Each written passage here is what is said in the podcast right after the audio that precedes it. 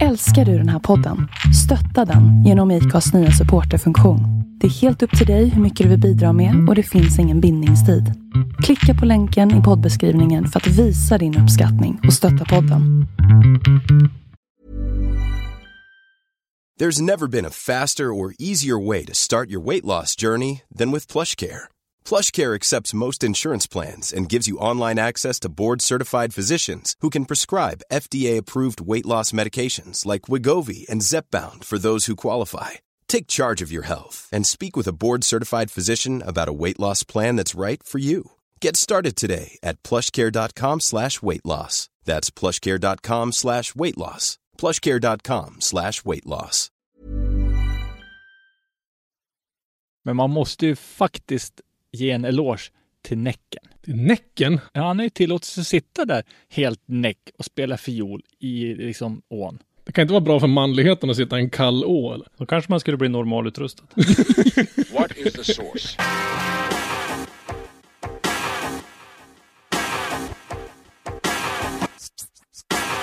One, two, three, set it!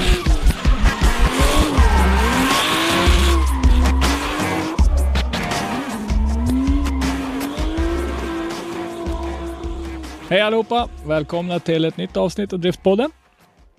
Eh, Med då mig, Henrik Andersson. Vi har ju såklart också Christer Hägglund med oss. Tjena Christer! Tjena, tjena. Och så har vi Robban Strandberg med oss, vår eminente ljudtekniker. Tjena Robban! Tjena, tjena. Allt väl med allihopa? Ja, det känns så. Ja, synd, synd att klaga. Mm. Eh, nu nu, nu ser, ser ju inte vi varandra eh, så här på- grund av corona då. Eh, så vi sitter på varsitt håll. Mm. Men jag tror vi låter ganska synkade ändå. Eller? Ja, tror det här kan funka. Ja. ja. Helt klart. Dagens avsnitt kommer att vara litet nyhetssvep. Vi har lite andra punkter att ta upp. Och vi har även en intervju som du Christer gjorde med Max Lundgren. Ja, precis. Lite eh, nyheter ifrån eh, driftingutskottets sida. Eh, så vi kommer väl, vi börjar med lite utav våra punkter. Sen så drar vi in intervjun och sen så kommer vi fortsätta diskutera lite grann som sägs i intervjun och sånt. Vad Mm. tror ni om det grabbar? Det låter bra. alldeles utmärkt det. Men vi kanske skulle ta och börja med en rättelse. Ja, det är väl jag som får ta den, för det var ju jag som eh, stod för felet så att säga. Det var, vi nämnde att Andreas eh, Staberg eh, ska sälja bilen och det var lite tveksamma om han skulle komma och ställa upp i SM eller inte. Och Maria Matsegård i Andreas team kontaktade mig då efter den sändningen och berättade att det var inte tävlingsbilen man skulle sälja. Utan eh, det var en eh, bil de hade byggt ihop för att ha som träningsbil. Och eh, de Jaha, ja, mm. hade ju tappat någon sponsor och som vi nämnde i programmet också. Och då så offrar de träningsbilen för att försöka att få ihop till tävlingssäsongen. Då. Så att Andreas och teamet är i allra högsta grad aktuella för SM och vi beklagar att eh, det blev fel och eh, tackar för informationen. Och så tycker jag väl att vi kan eh, påpeka det att är, är det andra som hör fel och vi säger någonting sådär så får ni väldigt gärna kontakta oss så ska vi eh, ta upp det i någon senare sändning. Ja, jag menar ett sunt beslut av Starbergs Motorsport, helt klart. Mm. Absolut. Ja, det, det är skönt att de kan göra en sån där sak för att liksom rädda, för nu alla blir ju drabbade i den här situationen som är nu, det är liksom kaos överallt.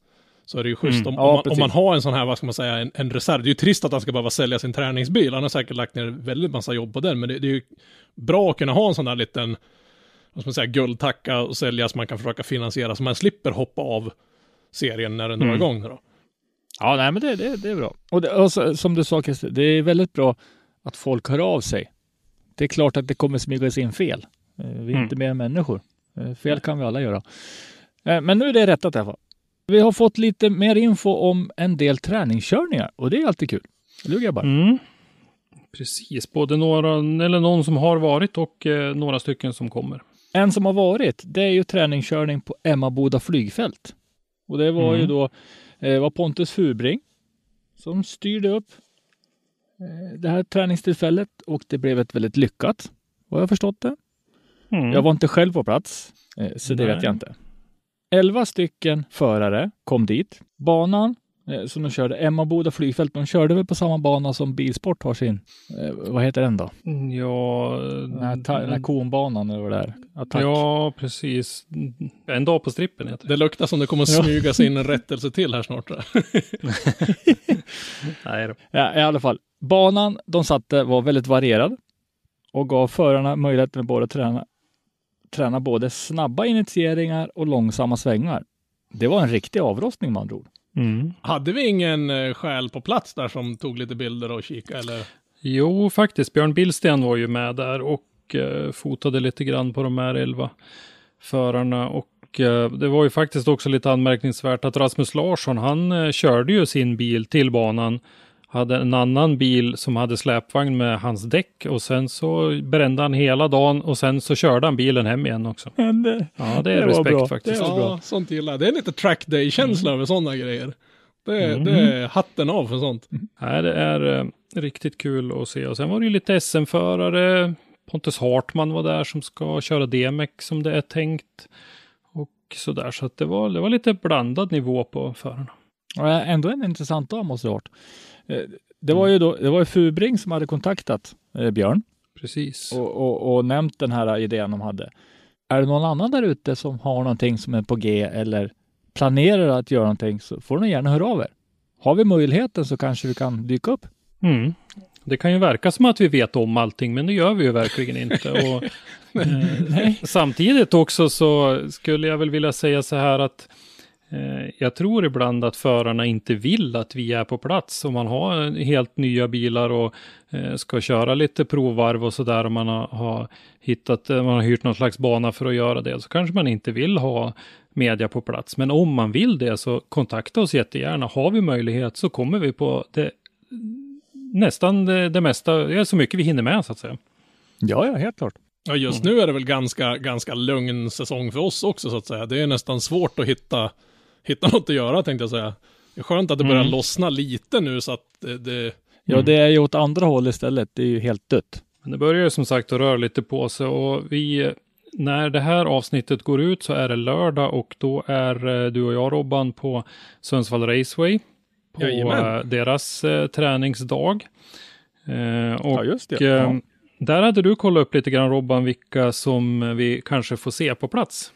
Ja, vi fick en liten eh, lista här. Jag frågade två av de som ska vara där uppe var funktionärer och det, det är ganska mycket folk faktiskt. Det var till och med så att det hade blivit så många som hade anmält sig dit upp så att det är folk som sitter på reservlista ifall de skulle trilla bort nu då som, som sitter och vänder. Men jag vet inte hur det ska gå till om man till exempel bor i Övik och det är någon kille som hör av sig klockan nio på morgonen och säger bara jag kan inte komma upp för min trailer och pajar eller någonting sånt här. Det är inte som man slänger sig ner lite direkt.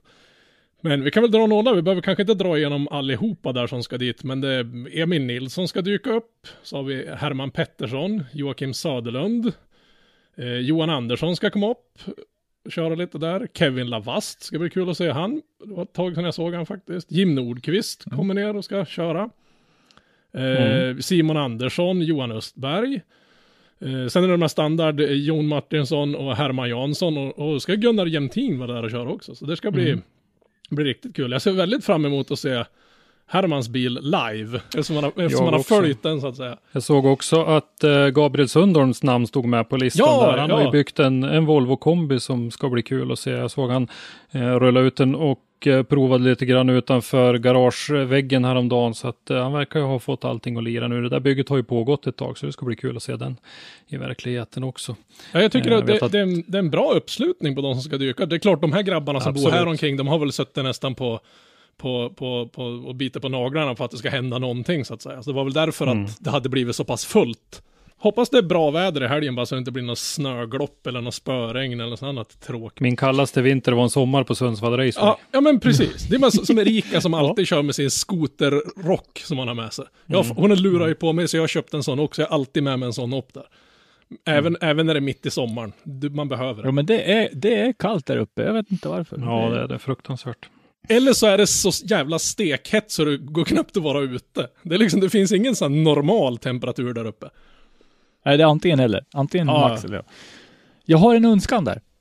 Faktiskt. Yes. Sundsvall, Sundsvall alltså, tänk er den här bilden och ni förare, lyssna noga nu. Tänk er den här bilden. Vi, vi ålar in Christer i passagerarstolen. Spänner fast han stenhårt. Robban slänger upp lite GoPros. Och så har vi ett kort litet poddsegment. Hur upplevs det att köra i, eller hur upplevs det att åka i en driftbil? Ett litet reportage, hur är det att sitta vettskrämd på sidan om när man ser en, en betongmur Ja. passera backspegeln på en decimeters håll? Ja, men det, det hoppas jag att vi ska försöka kunna genomföra. Vad har jag gjort dig för ont? Är du på Christer? Jo, kom igen. Mm. Får, Det, det, det vore läckert faktiskt. Jag gillar ju att åka fort och hela den grejen, men jag är lite sådär kontrollfreak. Jag vill gärna hålla i ratten själv. Jag vet inte om jag gillar att åka med någon runt sådär. Jag skulle nog skrika som en liten skolflicka, jag är rädd. Mm. Och jag råkar veta att du har licens också. Men jag åker inte med dig under de första tio varven på Sundsvall Raceway i alla fall. Då får du köra själv. Det gör inte jag heller kan jag säga. jag, Nej. jag är ju sån här track day nörd, om min bil börjar gå på tvärn sådär, då är det någonting allvarligt fel i bakvagnen och då går jag in i depån istället. Eh, en annan träningsdag som kommer efter Sundsvall Raceway är Mantorp Park. Eh, de har flaggat för att de tänkte köra en träningsdag 24 april. Och de säger då en trä träningsdag, testdag för drifting. De har fyllt en grupp med förare. Vi får väl anta att det är 50 då, som är maxet Ja, där. Mm. Och det är ju då eh, i körpasset som de köper, då är det alltså en tre för föraren och två mekanikers. Så lite snabb räkning. Hur många förare kan vi tänka oss att det är då? då? Vi har inte fått någon lista så vi vet inte vilka som kör. Jag skulle säga 10 strax över för att det det lär ju krävas en 10, 12, 14 pers och hålla igång allting runt omkring också. Så att 10, 12 eh, förare någonstans, då blir väl ja, 12, 36 personer. Låt säga att man är på Sundsvall Raceway, det är, det är en ganska långt område som en flygplats. Skulle man inte tekniskt sett kunna göra två grupper som har typ 300-400 meter, om inte mer, emellan de här två grupperna? Det måste ju räknas som två olika grupper, två olika folksamlingar. Ja, grejen är väl att jag tror inte att någon vill bli prejudikat i den här frågan. Nej, nej, nej, nej, nej, men precis. Nej, men jag tänkte bara en liten, liten teoretisk grej, att det, det borde ju tekniskt sett möjligt, för jag, jag förstår ju vitsen med det här 50 pers, att man ska ställa 50 pers i ett litet trångt tält och stå och nysa på varandra. Men om, om man splittar upp det så här, för jag bor ju i närheten av en ganska stor sån här fotbollsanläggning här, och där är det en 7-8 planer, och där spelar de ju, det, det är typ 50-60 pers på varje plan, och planerna är ju bara typ en, en 5-6 meter emellan. De Ja. kommer ju undan med det, så varför ska inte vi kunna ha två depåer och så köra i två olika omgångar? Förmiddagen kör de där grabbarna, eftermiddagen kör de andra grabbarna. Mantorp Park säger ju också att de öppnar ju upp för en, anna, eh, en andra grupp och då vet inte jag riktigt om de kommer att köra i Mjölbydelen och i Pariserdelen samtidigt eller någonting. Men Ja, det eh, kan- det, kan det det återstår Ja. väl att se. Och sen är det lite grann problematiskt.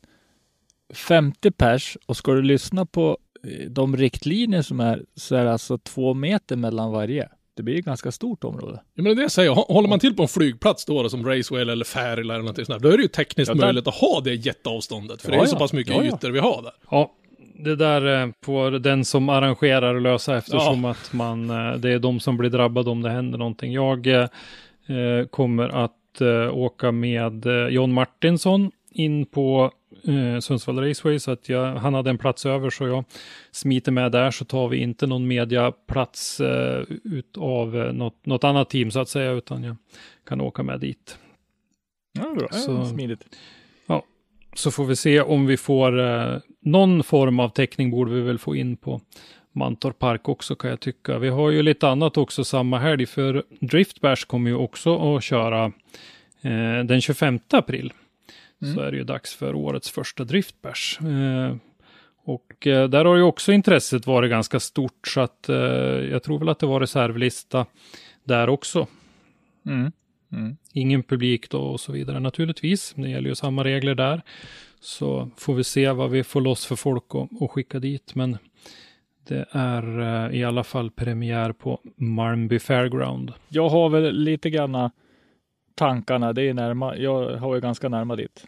Eh, Mm. Så jag har väl lite tankar att försöka ta mig dit. Jag ska kolla med, med SVR Motorsport då, så att så att inte jag tar någon plats för någon annat då. Mm. Nej, vi får ju helt enkelt acceptera det att Att vi, vi tar de platser som blir över en, en, nu när läget är som den är. Samtidigt så vet vi att arrangörerna gärna vill att vi kommer och uppmärksammar att eh, de eh, har sina arrangemang också. Så att vi, det, mm. det är lite en, en avvägningsfråga. Jag menar, det är, det är inte bara förarna som behöver bli av med sin ringrost. Så. Nej, det Nej så är det ju. Den första tävlingen man är och fotar varje år, det, bilderna ser ju...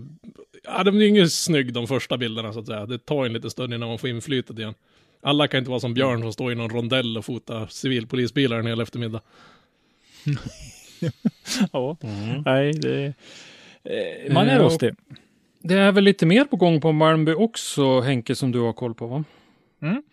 Det är en extra träningsdag som vi fick nys om här, här i dagarna. Och det är 16 maj. Så har de alltså hyrt Malmby igen. SVR Motorsport då. De har planerna då att köra en träningsdag. Då kallar man det för en drift tryout. Och beslutet är ju fortfarande ingen publik får komma. Så det är bara förare och så lite folk runt omkring som möjligt. Man har sagt förare plus en. Mm. Så det, det, är fortfarande det här med 50 pers. Så att det gäller att vara snabb och anmäla sig om man inte redan gjort det. Däremot så har man höjt priset till 800 kronor och det är, det är väl på grund av att det inte kommer publik helt enkelt. Precis, eh, publiken som kommer på de där arrangemangen är ju med och eh, betalar lite grann för förarna. Så att eh, nu när publiken faller bort så blir det tyvärr lite dyrare för förarna istället. Men det är inte så mycket att göra åt det. Nej, och vill man läsa mer så finns det på SVR Motorsports Facebook-sida. Mm. Och vi vet ju att SVR har tät kontakt med polisen och tillståndsgivarna där så att de ska hålla det här under kontroll. Ja, precis. Och de har ju fått eh, bland annat så ska depåplatserna ha mellanrum på fyra meter. Sen har vi lite andra mindre trevliga nyheter, men ändå värda att nämna kanske. Jag vet inte. Det där var ja. väl den roliga delen i det här kanske? Det var den roliga delen. Nu kommer vi in på den här oh, suckdelen. Deppbiten liksom. Ja.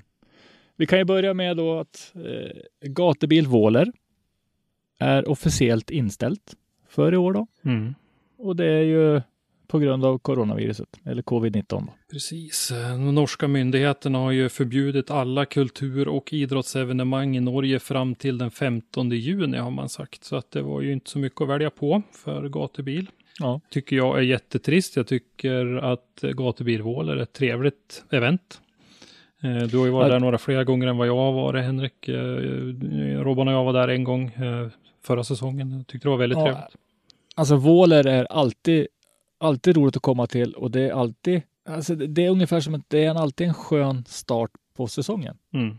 Ja, jag måste säga att jag, jag var glatt överraskad när jag var ner dit, för det, och det var ju mitt första gatubil-event jag någonsin var på också. Ja, det, var, det var riktigt, riktigt trevligt. Det var ett kul arrangemang och liksom trevlig miljö och ja, det, där, det där gillar mm. jag. Det kommer jag åka på flera ja, gånger. Absolut, och eh, när vi ändå är inne på gatubil då, så Mantorp Park eh, vet man ju inte riktigt. Där inväntar ju gatubil då eh, vad svenska myndigheter kommer att säga framöver och det är ju inte sagt någonting än som sträcker sig så långt, men eh, man kommer ju avvakta det då och så hoppas man ju att huvudfestivalen i Rudskogen ska kunna genomföras som det är tänkt också. Ja, Eh, och det är ganska långt fram faktiskt. Eh, så vi får väl hoppas på det bästa. Ja, just nu går det väl inte, får man väl inte åka in över svensk-norska gränsen ens. Nej. För jag läste att de hade väl varit ett gäng norska påskfirare som hade åkt till, till Sverige och de hade väl satt hela högen, det var väl nästan en tusen plus person de hade satt i någon karantän nu när de kom tillbaka till Norge. Ja, norrmännen, de har verkligen stängt ner. Ja, det där känner jag att jag är för dåligt insatt i för att ha någon uh, teori om, men uh, faktum är att vi gör olika i alla fall, så är det. Ja, ja men så är det. Vi ska inte gå in, vi är inte lärda i sånt, så att jag vet inte. Jag kan nästan inte ens säga statsepidemiolog. Nej, nej men precis. jag, alltså, tänker inte ens, jag tänker inte ens försöka. Var, varför väljer man ett sånt namn på, på, på, på en sån tjänst? Eh, om vi hoppar raskt vidare så ser vi nästa grej då att Norwegian Drift Championship flyttar om sin kalender. De kommer ju försöka mm. köra Eh, men det blir begränsat. Ja, de ska väl fortsätta köra tre, de tre deltävlingarna som var tänkt som jag har förstått det, men man kommer att flytta datum och det är ju det skulle vara premiär i maj, så att det är ju samma anledning då som gatubilvåler givetvis. Men eh, mm. den nya kalendern är inte släppt ännu, så vi vet inte riktigt när. Men man har aviserat att det kommer att bli förändringar i kalendern i alla fall. När det kommer till Nordic Drift Series då, hur ser det ut där då? Ja, de har ju tagit ett annat beslut. De har ju beslutat att eh, skjuta upp sin serie eller flytta fram den till 2021 istället. Eh, Ken Ektved som är eh, mannen bakom den där serien eh, gick ut med det under förra veckan här att de ställer in hela säsongen. Och det är väl det är ju ett val man gör naturligtvis om man vill ha, liksom flytta fram och hoppas på att kunna komma igång eller om man tar ett beslut att nej, vi tror inte på att det kommer att komma igång någonting. Och det där är väl lite beroende på vilka ekonomiska investeringar och så man har gjort i sin serie och vad man kan spela med. Eh, Om Mm. vi jämför dem med, med Norwegian Drift Championship till exempel så eh, är ju det ett helt nystartat. Det är eh, satsat en hel del pengar i det där. Man har verkligen fått till en hype kring det och det är klart att då vill man ju eh, köra igång och, och komma igång med det så att man får lite, dels får lite ekonomisk återbetalning men sen att förarna känner att de får ut någonting av, av den här eh, hypen som har varit i vinter också. Ja, precis. Eh, Ken eh, Egtved hintar ju lite grann också om att 2020, året då drifting-simulatorerna på allvar slår igenom. Det är ju bara att kolla på, på all annan motorsport egentligen har tacklat den här äh, säsongen med alla, alla simrace och grejer som är. Jag satt upp eh, skitsent i natt och tittade på, på V8 Supercars med en australiensisk serie som gick. De hade väl start, första start vid tre snåret i natt och det var väl, de kör ju något, något spel som heter iRacing och de har ju grafiken där, alltså det är ju nästan omöjligt att skilja på på en riktig tävling du ser på tvn eller om det är ett e-race-event du tittar på. Det, det är makalöst kul att titta på. En del av förarna har ju blivit ganska bryskt medvetna om att eh, det man säger när man spelar de där, eller kör de där simulatorerna, det går rakt ut i etern till folk som eh, tittar. Det var väl inte kanske riktigt meningen. Eh, Det var ju en Nascar-förare som var med som eh, använde det mycket nedsättande n-ordet. Eh, och eh, Mm. Blev väl i ett slag av med både jobbet för Chip Ganassi Racing, han blev avstängd av iRacing och han blev avstängd ifrån Nascar. Va? Ja, först så fick han en varning och vart avstängd eller suspenderad utan lön av Chip Ganassi för han tyck, de tyckte väl att det där var riktigt vidare. Det hade väl tydligen gått ut så det var väl några tusen som såg det live och nu är det flera miljoner som har sett det där klippet när han slänger ur sig det där rasistordet där. Men, men så gick ju iRacing in och stängde av han och sen gick Nascar in och stängde av han. Och i samma veva de stängde av han, då tyckte väl Chip Ganassi att varför ska vi ha en kille i våra team som som inte kommer att få köra. Och det var inte så att han varit avstängd på en kort tid, utan han varit avstängd punkt ifrån Nascar. Som det verkar hos Nascar så kommer han aldrig att vara välkommen tillbaka. Och då fick han ju sparken från Chip Ganassi och i samma veva så förlorade han ju två av sina största sponsorer. Och sen har det ju kommit upp nu också att han var, en av hans huvudsponsorer förut var ju Coca-Cola. Och de lämnade han tidigare i år på grund utav någonting han hade sagt. Men de la locket på och ville liksom inte kommentera vad det var han hade sagt. Och nu har det kommit fram att det här är inte första gången han använder sådana här ord. Så han har, han har ju skjutit sig, inte bara i foten, utan han har ju skjutit sig i hela huvudet också. Bara, och han skyller på att ja, men han visste inte om hans headset fungerade. Han ville liksom bara kolla, slänga ur sig något att se om någon reagerade på om hans mick funkar eller inte. Men, ah, jävla Ja, klappträv. Ja, är man liksom i, i, i den kalibern, så nej. Ja. Nej, okej. Och, och, ja, det är inte okej om en privatperson sitter heller, men jag menar, Men det här är ju mediatränade proffs. De har ju liksom Ja. gått utbildningar i hur man beter sig bokstavligt talat. Och, och, och, och är man på den nivån som han är också, som är väldigt, väldigt känd Nascar-förare, då, då får man bara inte göra en sån här sak. Alltså det, det, spelar ingen roll om du sitter och spelar en liten simulatorgrej. Är man så jävla pantad som man inte har koll på att du, du, du har själv valt att sända ditt, ditt eh, träningsevent på Twitch. Då måste du för fan vara medveten om att du ligger ute live och att folk hör vad du säger. Det är därför man sitter och tittar på folk på Twitch. Nej, nej det, var, det var en liten parentes i sammanhanget, men det var en, en händelse som det har snackats en del om i alla fall i dagarna här. Så att, eh, det blossar upp Ja. rätt så fort och Mm. stort. Som sagt var, jag hoppas att det, det drar igång en, en driftserie, e-racing, en, en seriös sådan, inte bara någon sån här lite drift bash grej som är kul att sitta och titta på. Jag vill, jag vill se en riktig tävling med, med vettig Mm. grafik och, och, och schysst eh, bedömning och sådana saker. Jag har inte riktigt koll. Vi kan väl slänga ut en fråga. Är det någon som har koll vart det körs någon riktig serie och så där så tar vi gärna emot tips så kan vi kolla lite grann. Jag har ju sett att Pavel Korpolinski är med och kör lite grann och kör för något team och så där. Jag har dock inte grottat ner mig något djupare i det, men jag vet att han han eh, kör en del simulator i alla fall och han kom ju också ifrån eh, simracing-svängen från början och tog plats i en riktig bil så att eh, han har ju lite erfarenhet ifrån det där. Jag kan ju hoppa tillbaks då till att Norge tänkte köra en virtuell serie, NDC. Mm, precis, det pratade vi om i något tidigare avsnitt här. Ja, precis. Så, att, Mm. så det finns ju i, i startgroparna. Om det Mm. sen blir bra, ja, det, det får vi se. Men innan vi tar den, den, eh, den andra nyheten jag tänkte på, så tänkte jag vi drar kalendern för Formula Drift. De har presenterat en ny kalender. Ja, de är ju väldigt sugna att köra hela sin serie, så de har ju presenterat en eh, komprimerad kalender som innehåller alla åtta deltävlingarna. Ska köra igång där 3-4 juli på Road Atlanta, Atlanta, Georgia. Mm. Sedan är det 23 till 25 juli Raceway Park, Englishtown, New Jersey. 6 till 8 augusti Worldwide Tech Raceway, St. Louis, Missouri. 21 till 22 augusti Irwindale Speedway, Irwindale, Kalifornien. 11 till 13 september eh, eh, då är det Sonoma Raceway, Sonoma, Kalifornien. Mm. 25 till 26 september Evergreen Speedway, Monroe, Washington. 15 till 17 oktober Texas Motor Speedway, Fort Worth, Texas och 20 till 21 november då är vi tillbaka på Irwindale Speedway i Irwindale, Kalifornien igen då för the title fight så att säga. Det är en hyfsat komprimerad serie att köra. Du hinner typ Ja, knappt hem och, och byta tvätt ungefär sen är det dags för nästa. Jag tänkte på det med tanke på hur storleken på USA.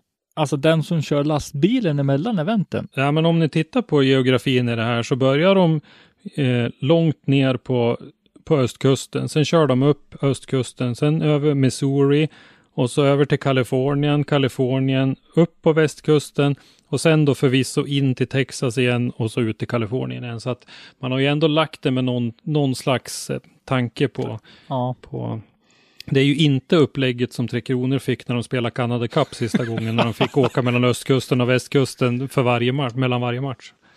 Eh, ja, så vi får väl se hur det går. Då. Det är ju några som har ramlat bort eh, eftersom, eh, kan jag inte säga på rak arm vilken, men Irwindale är ju med två gånger i alla fall. Eh, det är ju väldigt Ja. viktigt för eh, Raceway Park, Englishtown, att de får komma med. De har ju investerat en hel del pengar i sin bana, så att det är Mm. viktigt för dem. Så nu är det väl bara att hålla, hålla tummarna. Eh, det kan, jag har ju ett smeknamn på jobbet över att jag är lite negativ till tanken så här, men jag, jag är lite rädd att den här kalendern inte kommer att hålla riktigt. Jag är lite tveksam till om USA har hämtat igen sig så pass mycket så att de kan dra igång den där serien i början av juli, men vi håller tummarna och hoppas att det går. Ja, vi får ju såklart hoppas på men, men alltså det, ja, juli. Ja, det ser mörkt ut, speciellt som situationen där borta ser ut just nu också, så skulle jag tippa på att Irwindale Speedway kanske med lite flyt blir första tävlingen. I augusti där. Mm. Men när vi nu hoppar emellan ämnena och så går vi in på virtuellt igen då. Ryan Lantain, den ikoniska stordomaren ifrån Formula Drift. Han kommer nämligen att kommentera i en drifttävling. Och den Mm. kallas för EDC Drift Championship. Det är denna söndag va? Det var nog söndagen som var, tror jag faktiskt. Så att den där borde finnas att titta på någonstans. Och det var ju lite kul, för det var ju lite kända namn med där faktiskt. Ken Gushi, Ryan Littoral, eh, Sebastian Gauthier, är ju FD-förare. Ja. Så det var några kända riktiga förare med där också. ja. Vad kör de eh, i för spel? Är det, är det vad heter det, R-Factor de kör?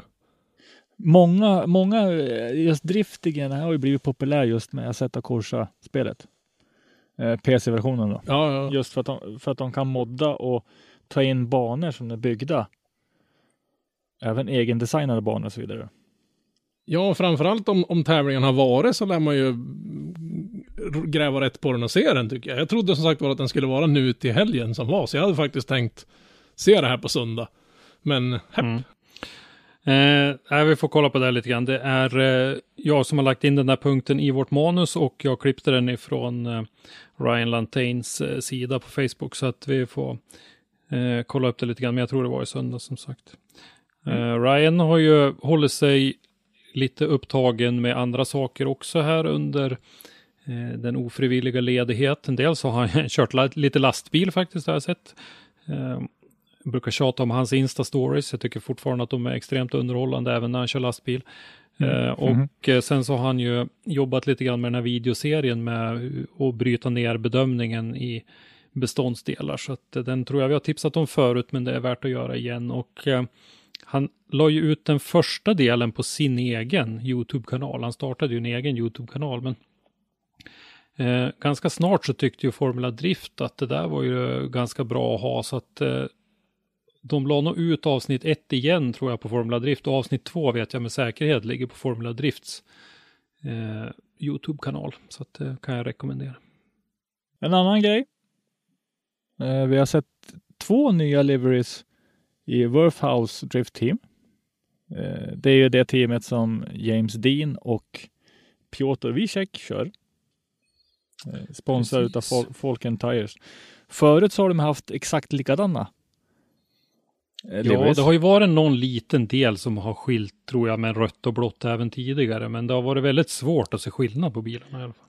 Ja. De nya liverierna så har Deans bil stora blåa partier och lite rött. Medan Zwischek har då stora röda partier och lite blått. Precis. Så det ska bli lite lättare att särskilja de två då. Mm. Jag tyckte de såg jäkligt bra ut och så just det att de, de mm. vad ska man säga, de ser likadana ut, de har bara flippat färger på dem. Så att säga. Det, det är lite mm, fränt. Ja, det är ju ingen tvekan om att det, det, är samma team utan eh, James Dean och eh, Piotr Wiesek har ju också en eh, YouTube-kanal som heter Candy Machine. Och nu sen ett tag tillbaka har ju James Dean en egen kanal också. Jag tror nästan att vi har tipsat om den tidigare här, men eh, han eh, lägger ut lite intressanta videos om lite allt möjligt och eh, senaste avsnittet jag såg var om eh, offroadkörning. Då hade de köpt varsin, eh, GM, eh, inte GMC, utan Suzuki Jimny. Och eh, var ute och körde ett gäng. Det var James och hans ständiga följeslagare Queen Bee. Och så var det mm Eh, en av hans mekaniker och så var Jack Shanahan och Connor Shanahan med också. Så det var lite kul att se dem i någon annan miljö än i driftingmiljön, men de hade vansinnigt roligt och eh, James påstår i den videon att eh, det var de bästa 500 euro han någonsin har spenderat var på den där Suzuki Jimny. Vi kan ju, ja, nu när vi ändå är inne och tipsar och sånt där så kan vi passa på att tipsa om att Hartman också har startat en vlogg. Hartman, man, man söker på Jesper Hartman på, på YouTube. Ah. Så har de, de har hunnit spela in två stycken eh, avsnitt nu om, om deras resa till Driftmaster här nu. Ett annat tips jag kan ge är kolla på Hartmans hemsida på Facebook. Ja, men precis. Mm. Borde det finnas det info. eh, och Pontus är ju en sån här kille som är medveten om att eh, hela paketet räknas. Så att han har ju en eh, snygg Iveco skåpbil nu. Han har en jättesnygg Brian James trailer som han eh, har folierat. Eh, om jag inte minns alldeles fel så är det väl Stefan Lindgren som har tagit bilden på, på Pontus bil som är, är där på sidan på, på uh, racetrailern. Mm. Och mm. Uh, ett otroligt snyggt uh, paket med racebil, uh, skåpbil och biltrailer. Så att, det är, det är sånt som räknas, det är sånt som lockar sponsorer, det är studs och puts som vi sa i lumpen, det är snyggt och prydligt i alla lägen och det, det, det tror jag är sånt som lockar samarbetspartners. Det ser nästan oförskämt professionellt ut. Mm. Jävligt glädjande att se att någon som lägger ner liksom så pass mycket tid, som du säger också, inte bara på bilen i övrigt, utan hur liksom helheten och hela konceptet upplevs. Precis, och det, det där vet vi ju är en sak som Demek faktiskt tittar på. Eh, att du Mm. måste komma dit med en helhet som är tilltalande. Och där, där väger man faktiskt in även de där grejerna. Ja, men det, det är proffsigt. Eh, ända ut i fingerspetsarna. Men. Nu, nu är det så att eh, en gammal man som jag är då, är lite kaffesugen sådär.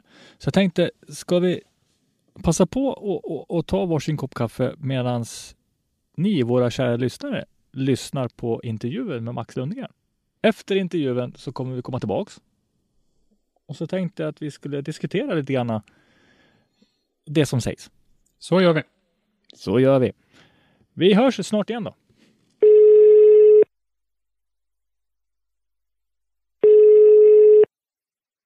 Välkommen tillbaka till Driftpodden Max Lundgren, ordförande i driftingutskottet. Tack så mycket. Eh, Du är ju faktiskt den, den första gästen vi har som eh, återvänder till, till podden. Ja, ärofyllt. Ja, det, men eh, vem skulle det vara om inte du så att säga som sitter mitt i smeten och på mycket av informationen. Ja, Ehm, precis. Jag tänkte att vi skulle diskutera lite kort med dig idag om ett nytt förslag till kalender för STC. Eh, som ni har Mhm. jobbat fram lite grann. Och så ska vi ta och beröra ett par andra ämnen också lite kortfattat. Men huvudanrättningen tycker jag väl är eh, SDC. Och eh, vad, vad är det ni har jobbat fram för någonting där? Eh, ja, men vi har ju, eh, eller vi, vi började ju ganska snabbt när vi insåg hur, hur läget eh, var på väg då med vad gäller eh, coronapandemin och hela den grejen. Eh, så egentligen så fort vi, eh, ja det var väl ungefär i samma veva där man ställde in påsken, där insåg vi väl att okej det här kommer liksom, det här kommer bli svårt. Mm. Eh, Så vi började ju med att göra om premiären och göra den publikfri och sådär. Och planen var ju att köra både premiären och Sundsvall-tävlingen i maj publikfria. Men sen kom ju ännu hårdare restriktioner då. Och då fick vi tänka om ännu mer. Eh, Och eh, vi har hela tiden haft väldigt bra kontakt med arrangörerna.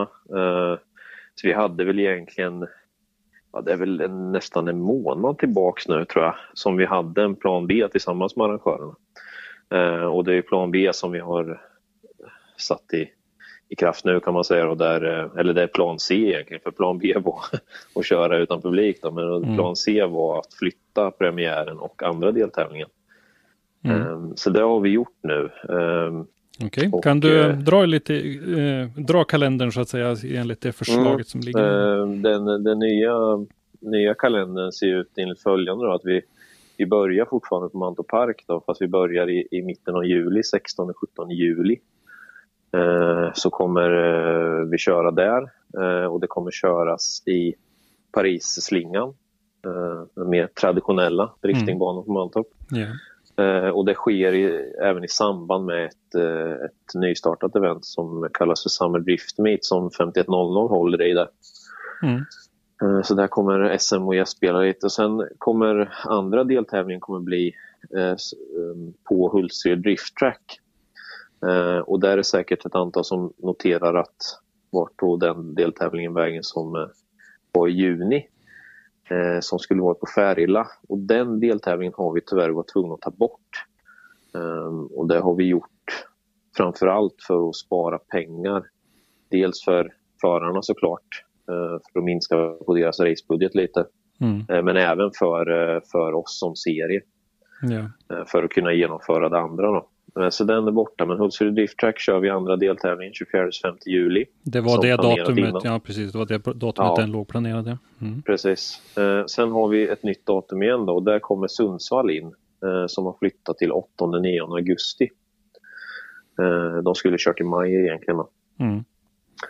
Och sen kör vi på Fällfors 4-5 september har vi finalen då för SM. Och det skulle jag säga med att på Mantorp är det ju bara SM som kör premiären och finalen på Fällfors är det ju också bara SM som kör.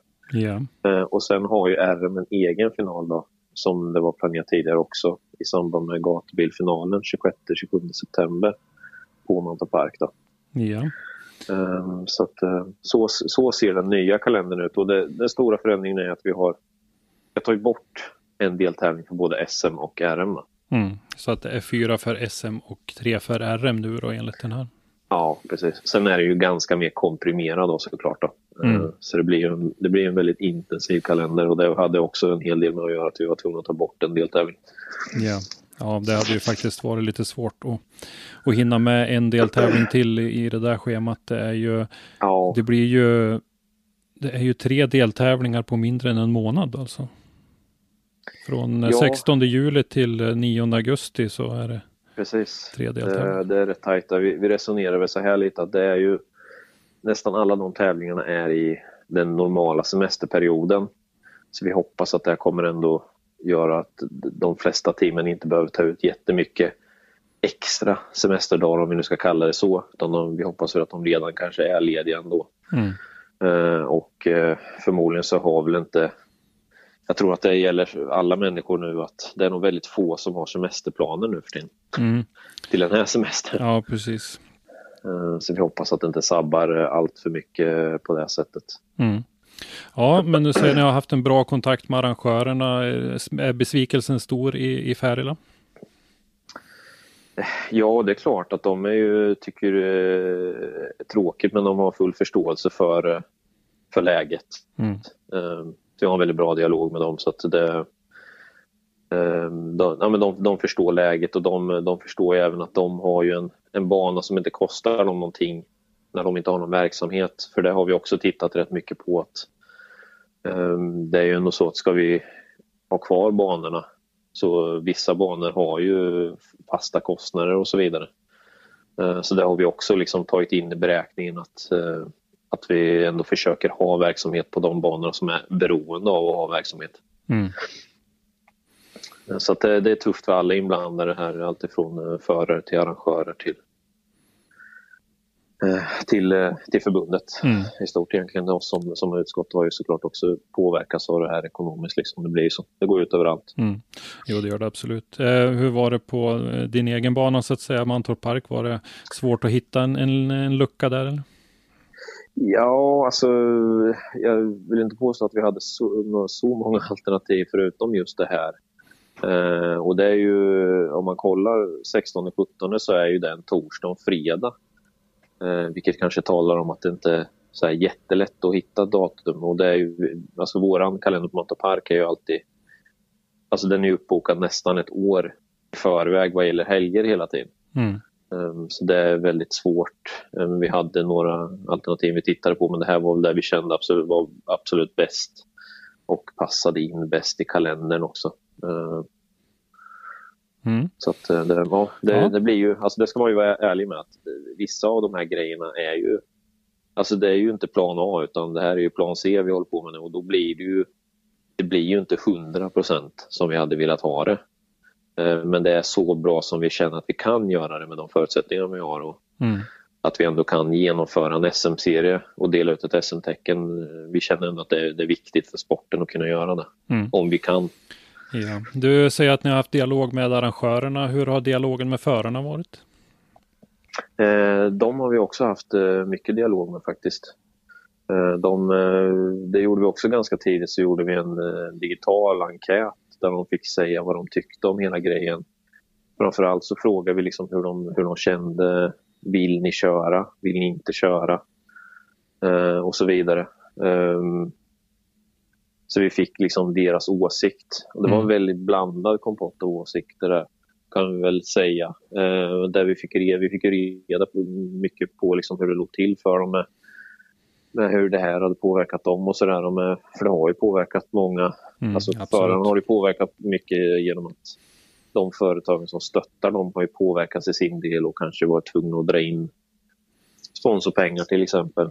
Mm. Ehm, Så att eh, vi, vi, vi räknar ju med att vi, vi kommer tappa förare eh, till serien ehm, på grund av det, att de helt enkelt har en stor del av budgeten har försvunnit för många. Eh, Sen är det många som eh, liksom bara säger men vi kör allting under kontroll för våran del. Liksom. Så att det, det varierar väldigt mycket men Mm.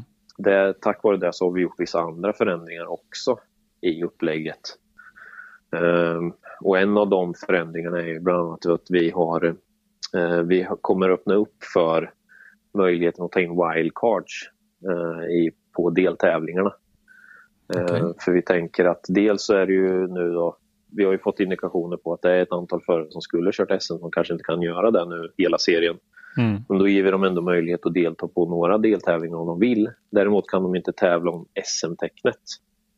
Eh, eller det kan de göra om de fortfarande är serieanmälda. Mm. Men eh, om de bara vill köra till exempel tävlingen i Fällfors säger vi om du är långt norrifrån. Mm. Då har de möjlighet att ansöka om att få göra det. Ja. Sen har vi ett begränsat antal platser ändå. Men, eh, men eh, det finns möjlighet liksom att få, få in få förare att köra ändå. Inte varje deltävling men vissa. Och sen har vi även lite funderingar på hur det kommer gå för de internationella serier nu som NIZ, DMEC då, till exempel. Mm. Hur, hur gör de? Kommer de serierna överhuvudtaget att genomföras? För det jag menar, som det är nu får man inte ens resa till Norge liksom. Nej. Eh, och hur, ska man, hur kommer det då gå att bedriva en internationell serie? Ja. Så där har vi väl eh, där har vi gjort så här, öppnat upp wildcard av den anledningen också att det kanske är vissa av de förarna som faktiskt vill ha någonstans att tävla Mm. eh, också sen. då. Så vi, vi kommer även öppna upp anmälan för STC igen. Där man har möjlighet att anmäla sig till hela serien om man vill. Mm, okej. Eh, har ni fått någon indikation på hur stort intresse är för eh, wildcards? Har ni haft någon kontakt eh, lite så med olika förare? Eller? Nej, vi har inte kontaktat några förare liksom, och frågat om de vill köra. Däremot har vi, ju, däremot har vi blivit kontaktade av förare tidigare inför säsongen och så som har frågat om, de, om det finns möjlighet att köra Mm. eh, som wildcard på någon tävling. Då. Så att eh, det finns ett intresse för det att göra. Sen exakt hur stort det är, det vet vi inte riktigt. Eh, det är ju, det, jag tror det varierar lite beroende på vart man är i landet också. Mm. Viss, vissa banor kanske kommer få fler wildcards än andra. Um, det, nej, det, det kommer nog variera rätt stort och det, det gäller ju både RM och SM-serien. Där, så att, Mm. okej. eh, och kvalificeringen kan man säga för att, för att få ett wildcard kommer ju det kommer ju vara lite liknande som kvalificeringen för att köra SM har varit, eller de kraven om man säger så. Så man kommer inte få ett wildcard till SM om man inte har eh, kompetens för det så att säga, Mm. förarmässigt. Nej, någon form av meriter att visa upp. Här. Ja men precis, precis. Ja, det låter ju som att det kan bli en, en ganska spännande. Det blir som sagt en kompakt säsong och eh, det kan bli Mm. spännande med eh, lite olika, se vad det dyker upp för namn i, på de här wildcardsplatserna. Ja men precis. Mm. Eh, men eh, det känns, eh, tycker jag i alla fall, som att ni har ett, ett ganska väl underbyggt beslut. Ni har som sagt haft dialog med både arrangörer och förare och sådär och, och ni i utskottet och med förbundet givetvis också. Så att det känns som att det är en, ett beslut som, som vilar ganska tryggt. Ja, vi hoppas ju det. Sen är det ju såklart vissa, vissa saker har vi tagit beslut i själva eh, och vissa saker har vi ju, har vi ju rådfrågat alla berörda. Mm. Så, det, så, så är det ju alltid. Liksom, och det, ja, I slutändan är det vi som måste ta besluten. Mm. Jo, givetvis. Um, så vi, vi, vi hoppas att, de, eh, att alla i alla fall förstår att vi gör allt vi kan för att vi ska kunna köra en serie. Det är det som är viktigast för oss. Och, Mm. um, vi kan ju ändå se ganska lite mer opartiskt på det. Um, alltså vi, är, vi är ju en grupp av olika människor som har olika, liksom, är från olika led om man säger. Mm. Jag är ju lite partisk som arrangör men eh, å andra sidan så har vi ju Alexander Kvist och Andreas Lundqvist eh, som är ny i utskottet nu men som är från liksom förarledet som kan se det från deras håll och, vi, och så vidare och så vidare. Liksom. Eh, så att eh, vi känner att eh, vi, vi är en ganska bra grupp för att ta, för att ta ett beslut som vi ändå bör falla väl ut. Mm. Ja, det ska bli riktigt intressant som sagt. Eh, Jag tänkte att eh, vi kunde nämna också lite grann om eh, regler. Eh, Vi, När vi hade det avsnittet där ni var med hela utskottet så pratade vi lite grann om att det var lite tekniska reglementen och grejer på väg ut och de är väl publicerade nu. Ja, det ska de ha. Mm. Alltihop ska finnas ute nu. Ja, och när jag kikade in lite snabbt så såg jag att det var ju ganska många som var uppdaterade 2020. Det var lite grann från eh, januari och framåt och eh, 9 april tror jag senaste publiceringarna var eh, gjorda. Mhm. Eh. Vad, vad, vad, känner du är, är den stora grejen där i reglementena? Är det frikörningsreglementet som är liksom den stora nyheten i, i det där? Eller? Ja, det kan man väl säga, för det är ju ett helt nytt regelverk. Det har inte funnits alls innan. Mm. Ehm, så att det är väl den stora nyheten eh, och det är ju det ska ju framförallt ses som ett stöd till, till framförallt arrangörer skulle jag säga, men självklart också förare. Men, eh, att man liksom, vi har ju försökt, alltså frikörning har ju funnits egentligen på, inom driftingen ända sedan, ja men sen, egentligen sedan vi började med gatubil på Mantorp kan man säga. Um, så mm. har man ju kört frikörning i Sverige. Och det har liksom, det har inte funnits något, alltså det, man kan väl säga att man har vi började ju och försöka, eh, när vi, när vi började med gatubil så försökte vi liksom bygga upp någon slags regler för vad vi skulle följa där. Eh, som sen ska, liksom, filades på under ett antal år och sen dök det upp lite andra arrangörer som följde efter det ganska mycket, eh, känner jag. Eh, och eh, sen har, vi liksom, har det bara rullat på. Man har haft lite, eh, lite ska vi kalla dem, tekniska regler för vad som gäller för bilarna och man har haft eh, information om vad man ska ha för skyddsutrustning och sådana där grejer. Eh, och sen har det, ja, det, det, har, det har varierat en del mellan arrangörerna men det har ändå varit ganska likt i, i slutändan. Mm. Men problemet har alltid varit att eh, vi, alltså för det, det, ska man veta att som driftingen blir ganska ifrågasatt ifrån andra sportgrenar under SPF. Eh, jag har väldigt många gånger blivit uppringd och fått försvara driftingen och frikörningen för hur, hur kan ni göra det här och hur får ni göra det här? Ehm, och då har man ju aldrig egentligen kunnat hänvisa till någonting utan mer än att man har kunnat hänvisa till att ja, men, eh, vi gör det här för det funkar och det är det som eh, våra kunder vill ha. Mm. Uh, och det, är ingen, det finns ingen som kan säga att det vi gör inte är säkert. För vi, liksom, vi har ändå en hög nivå på säkerhet och så vidare. Men man har liksom fått, ja det har varit lite flummigt. Men nu, nu är tanken att man ska kunna hänvisa till att ja, men vi följer faktiskt det här regelverket. Mm. Uh, och det är ju en, det är en styrka i sig såklart att, att ha det. Och sen även är det såklart om det är någon som kommer i som ny som arrangör så ska det finnas någonstans där du faktiskt kan läsa det till hur du ska göra. Ja, precis. Någonting att luta sig på uh. från början innan man har byggt upp sin egen erfarenhet. Så. Ja men exakt, exakt liksom. och det är samma med räddningsreglementet som vi har. Det är samma med det, har exakt samma funktion, liksom, att du ska ha någonting och kunna du ska kunna läsa det till vad det är du behöver ha och hur, hur du ska göra det här. Liksom. Mm. Eh, sen har vi egentligen skrivit eh, re regelverket för frikörning. Vi har egentligen bara kopierat hur vi gör idag, mm. eh, kan man säga. Mm. Så alla arrangörer som kör frikörning idag kommer egentligen inte behöva anpassa sig överhuvudtaget efter det. Nej. Eh, för de, de kör redan på det sättet, mer eller mindre. kanske finns någon som behöver göra någon liten justering. Men, mm. Ja, men det är väl det rimliga sättet svårt. att göra det på eftersom det uppenbarligen fungerar. Så eh, skriva ner det så att det är tydligt och så att eh, ja, alla, alla har möjlighet att följa det. Mm. Ja, och det har vi gjort tillsammans med egentligen alla arrangörer. Vi har gått igenom det här på den eh, träffen vi hade på Arlanda eh, där med där alla, de flesta arrangörerna i alla fall, i stort sett alla, på SGR och liknande var med och fick tycka till om och komma med åsikter och, och sådär. Så att, eh, vi hoppas att de mesta har fått, fått fram det de ville och sen kommer det här säkert justeras en hel del under, i början här, kan jag tänka mig, de första åren framförallt. Mm. Ja, och så ett uppdaterat reglemente för Modified. Vi hade lite små uppdateringar i tekniska reglementet som vi pratade lite grann med Alexander om när ni var med allihopa och lite sådär. Så att jag rekommenderar ju alla mm. att gå in och läsa på eh, sbf.se drifting så finns ju eh, regelverket där under. Ja, precis. Om man svårt att somna någon kväll så lär man göra det lättare då. Mm, jag har varit inne och läst faktiskt själv också, för jag tycker om att hålla lite grann ordning i uh, livesändningarna och veta vilka som går vidare och så där. Så att jag har varit läst ja, på lite mer om uh, särskiljning i kval och sånt där. Det, då ska man gå till, direkt till källan och inte lyssna på vad andra säger, utan läsa sig till det själv. Ja, det är alltid bra. Mm.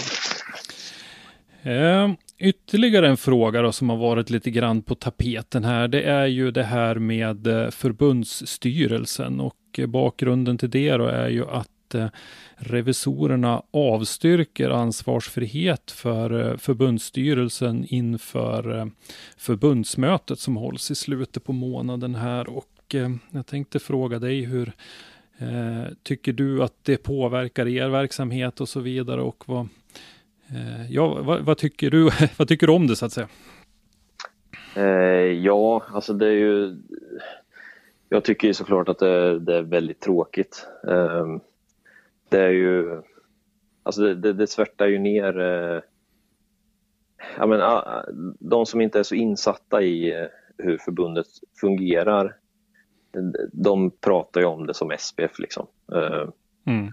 Och, och det är ju i det här fallet då, för dem så är det ju SPF som har hanterat medlemmarnas pengar på ett inte så bra sätt kan man mm. säga.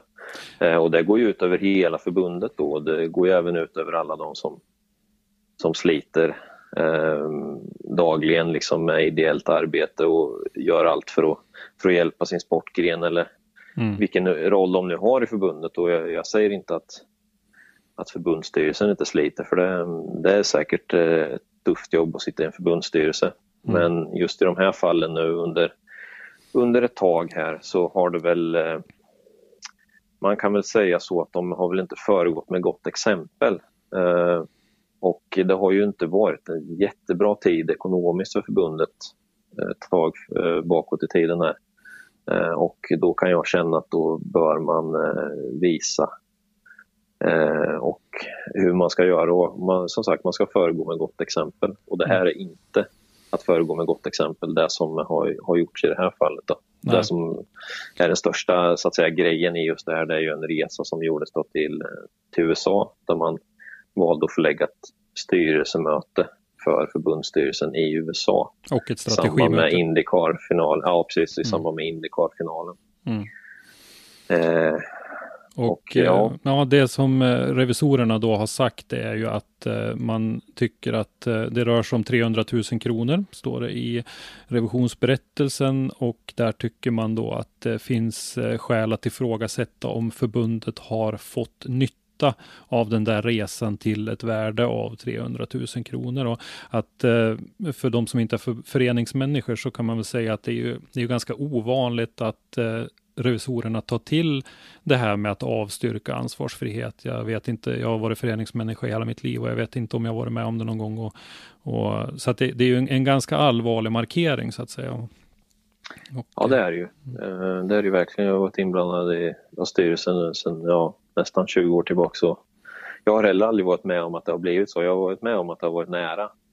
Ehm, men eh, nej, jag tror att en förbundsstyrelse hamnar i den här situationen är nog väldigt unik tror jag. Mm.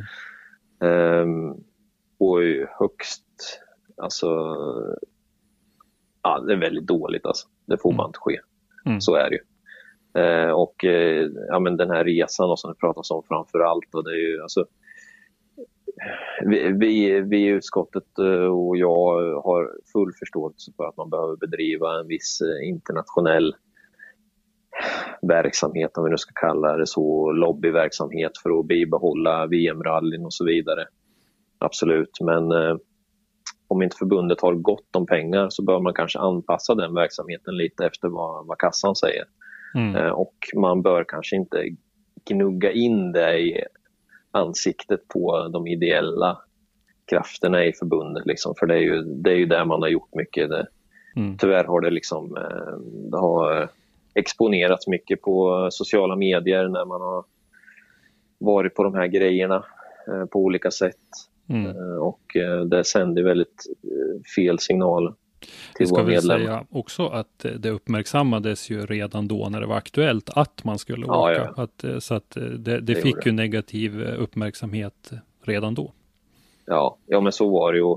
Vi har, vi har påpekat det här själva som driftsutskott till, till både förbundsstyrelsen och till eh, förbundsdirektören. Mm. Att vi inte, vi inte tycker att det är en jättebra idé. För det, Eh, vi, vi blev, det ska jag säga att vi, eh, vi har ju fått eh, minskad budget och så, och det har alla utskott fått på grund av att ekonomin är som den är i, i förbundet. Och då, då känner man ju liksom att man, man får ju dra sitt strå till stacken. Så är det ju liksom att acceptera läget att ja men det är tufft nu så vi, vi, vi får helt enkelt göra det bästa av det vi har. Mm. Eh, men då vill man ju se att det är så i alla led. Ja, Eh, för det är ju ändå vi som, det är vi som bedriver kärnverksamheten. Det är, ju, det är ett, ett sportförbund vid SPFA. Mm. De bedriver sport liksom, av olika slag. Eh, och då är det ju sporten som ska hamna i första rummet. Liksom. Det, det är inte, vi ska inte behöva göra en sämre SM-serie i, i rallycross eller drifting eller sämre arbete som folkraceutskott eller vad det nu kan vara på grund av att man måste resa till San Francisco och kolla på Indycar. Liksom. Det, det är inte försvarbart. De 300 000 hade vi kunnat gjort så jäkla mycket med i driftingen. Mm.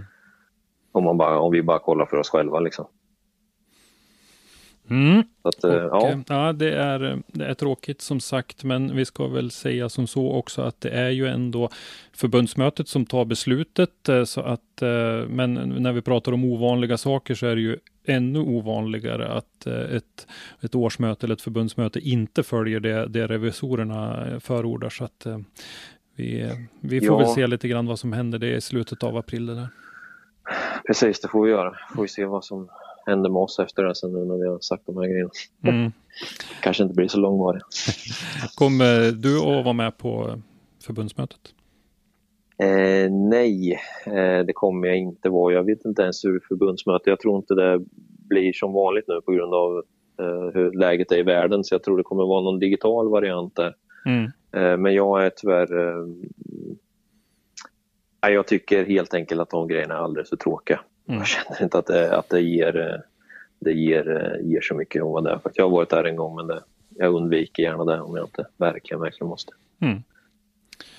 Ja, men då tror jag att eh, vi säger tack för den här gången Max och jag är helt säker Mm. på att du kommer att eh, komma tillbaka till oss i podden igen. Det får vi hoppas. Tack ska du ha. Tackar. Då har ni hört en, i mitt tycke, väldigt intressant intervju med Max Lundgren, som Christer Hägglund gjorde. I eh, intervjun så drog han ju upp tankarna kring nya kalendern som de har satt. Det är en väldigt komprimerad kalender som de hoppas på att kunna genomföra. Och det hoppas vi också såklart.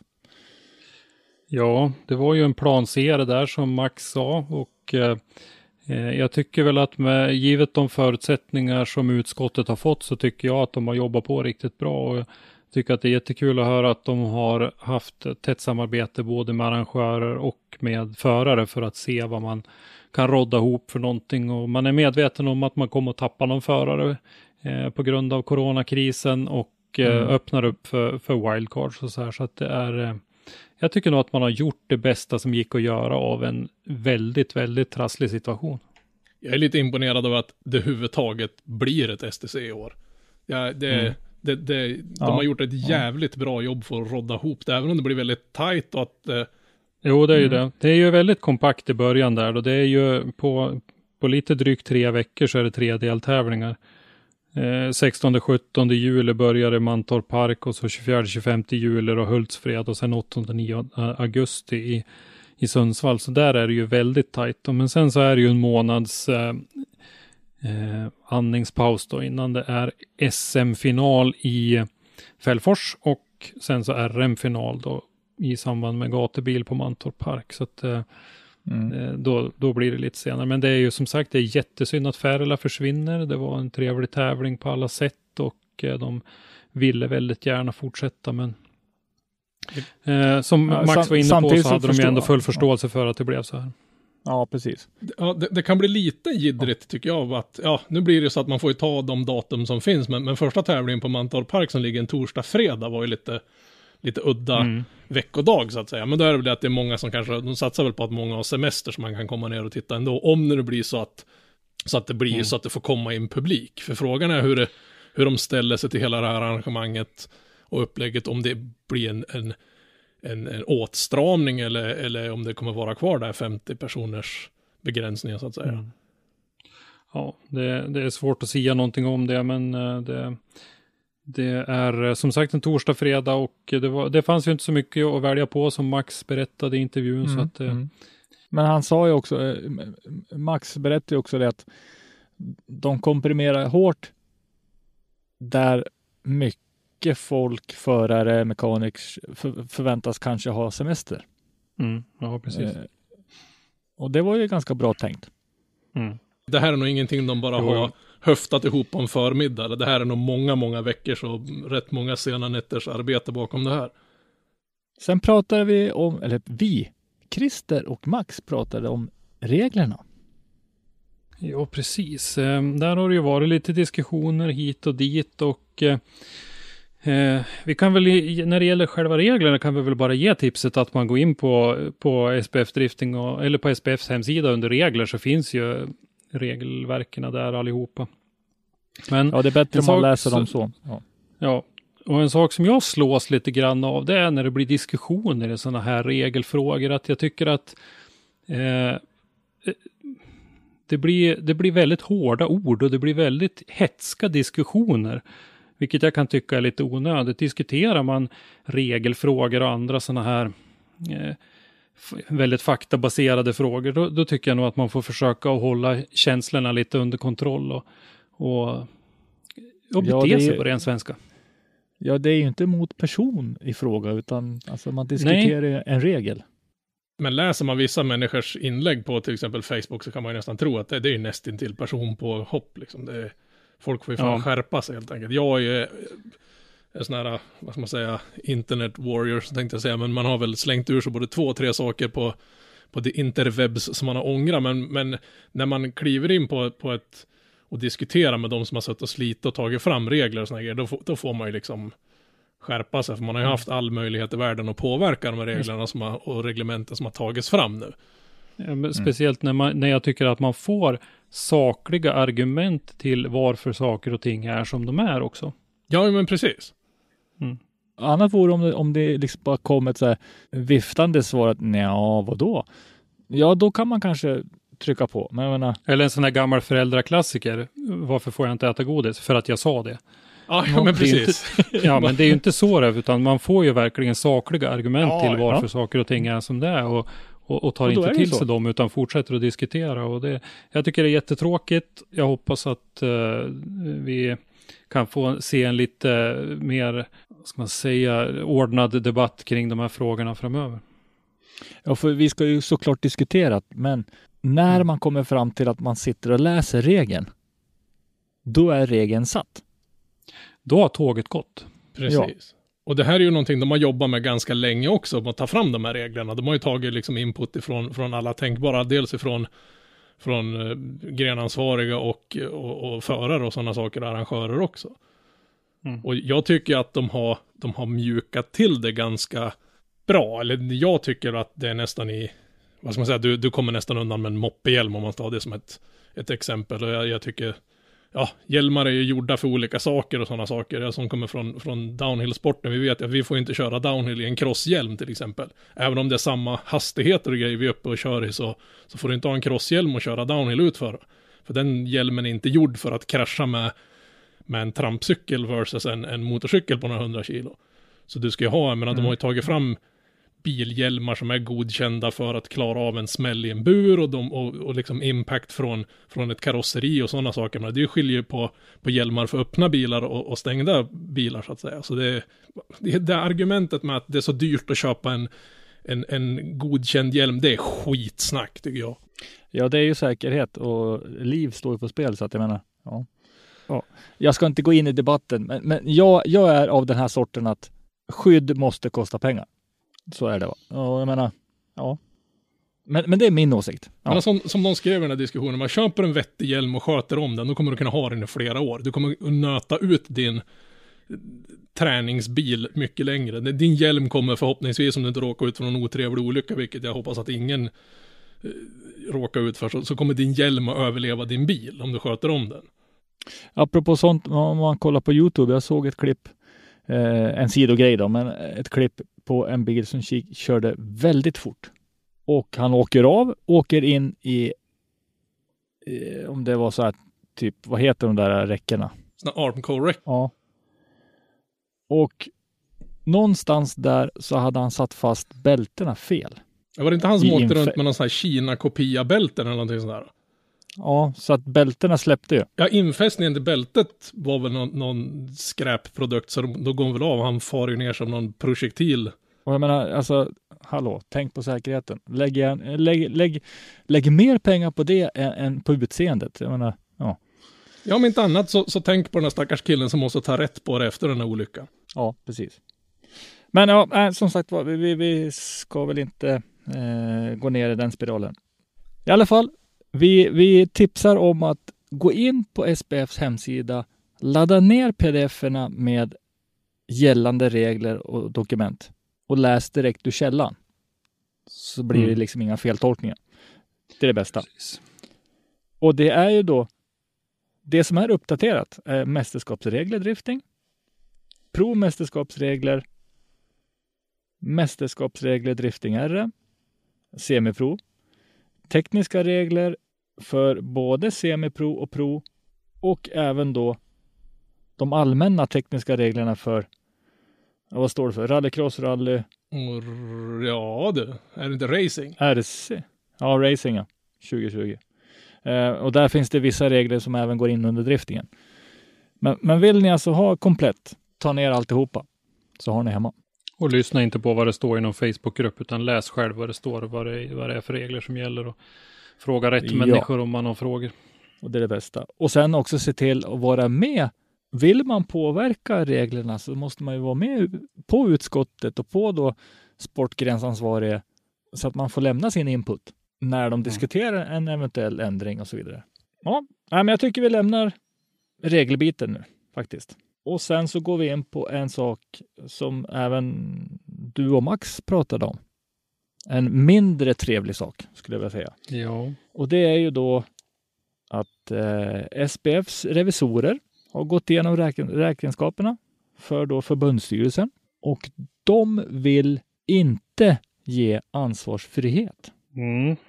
Ska man vara petnoga på orden då så är det ju inte ekonomin egentligen utan det är förvaltningen, alltså hur, hur förbundsstyrelsen eh, sköter verksamheten så att säga. Det är, Ja, och det är ju som vi pratade om i intervjun och så är det ju den här USA-resan som är, det är väl egentligen droppen som har fått bägaren att rinna över. Det har ju tuggats lite grann om olika saker tidigare och det finns, finns fler exempel också i, i det här, men det är ju den här USA-resan nu då och en kostnad på ungefär 300 000 som revisorerna eh, drar upp nu som man tycker att eh, förbundet inte får någon, eller man får inte ett värde motsvarande det beloppet för den här resan. Mm. Och det är ju ett kraftfullt vapen som man tar till där. Med ansvarsfriheten. Ja, det, det är det. Det är ju ett vapen som, så det är ju inte en knäpp på näsan så att säga, utan det här är ju det här är ju det, det vapnet, det kraftfullaste vapnet som revisorerna har och det, det kommer ju att, att komma till någon form av eh, avgörande på, på förbundsmötet då, eller årsmötet som det heter i en vanlig förening. Mm. Där Mm. eh, förbundsmötet kommer att bestämma om man beviljar eh, den här ansvarsfriheten eller inte. Och, och där, där är man ju inne på lite det här med juridiken också, att beviljas styrelsen ansvarsfrihet så är det väldigt svårt att och sen klämma åt dem i efterhand om, på ren svenska. Eh, Nej, det, det- ja, det blir ju väldigt svårt. Ja. Ja. Ja, så att eh, vill man ha möjligheten att eh, reda ut det här på något vidare sätt så, så lär man neka ansvarsfriheten. Men sen så är det ju en liten sak till då. Det är ju det här, ska styrelsen sitta kvar? Ska styrelsen bli avsatt eller ska, ska man förvänta sig att de avgår självmant allihopa? Och om, om det då sker eh, så tänker jag på de där stackarna i, i valberedningen. Jag har ju suttit i, i, lite, i lite olika valberedningar ibland och man har tänkt oj, nu har vi två stycken platser att fylla, hur ska det gå?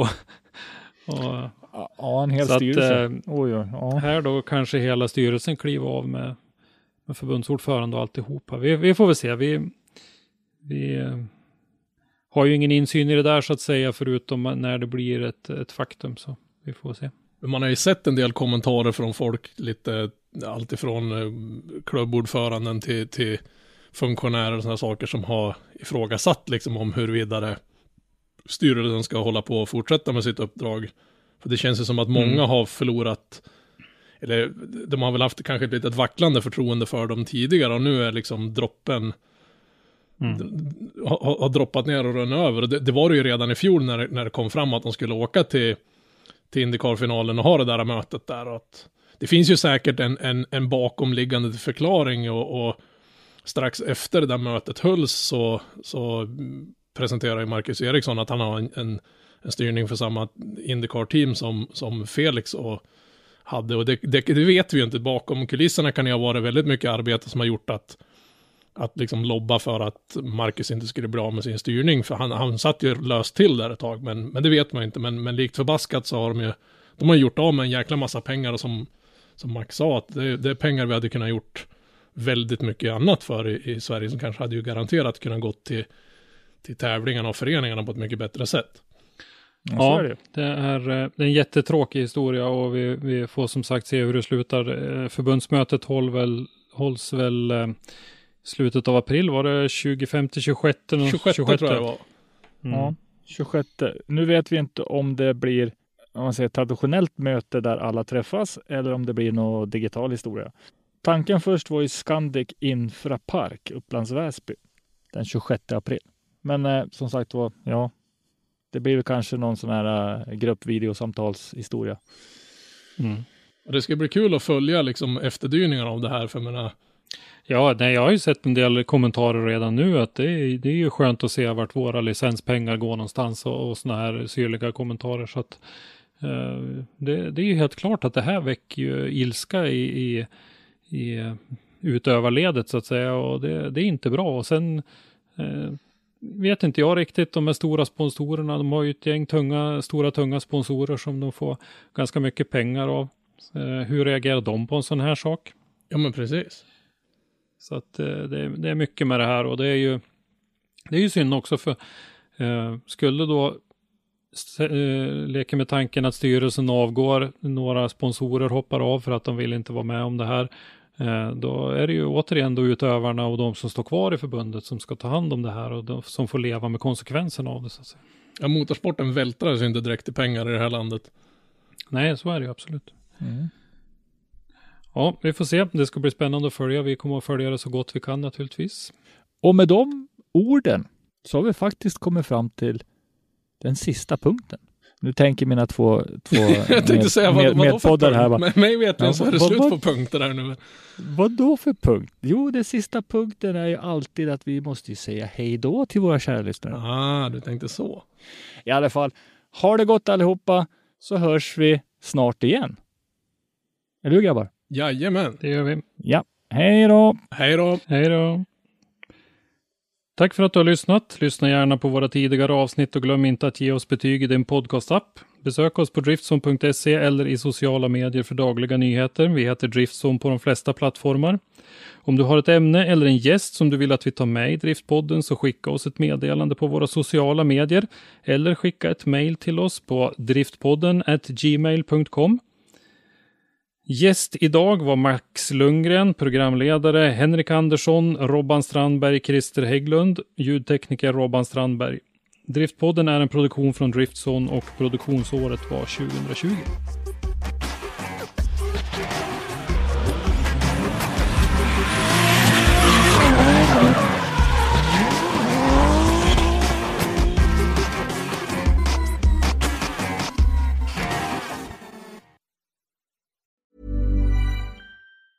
Planning for your next trip?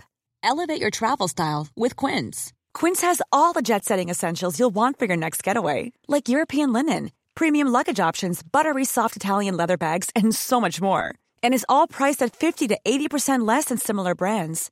Plus, Quince only works with factories that use safe and ethical manufacturing practices. Pack your bags with high-quality essentials you'll be wearing for vacations to come with Quince. Go to quince.com slash pack for free shipping and 365-day returns.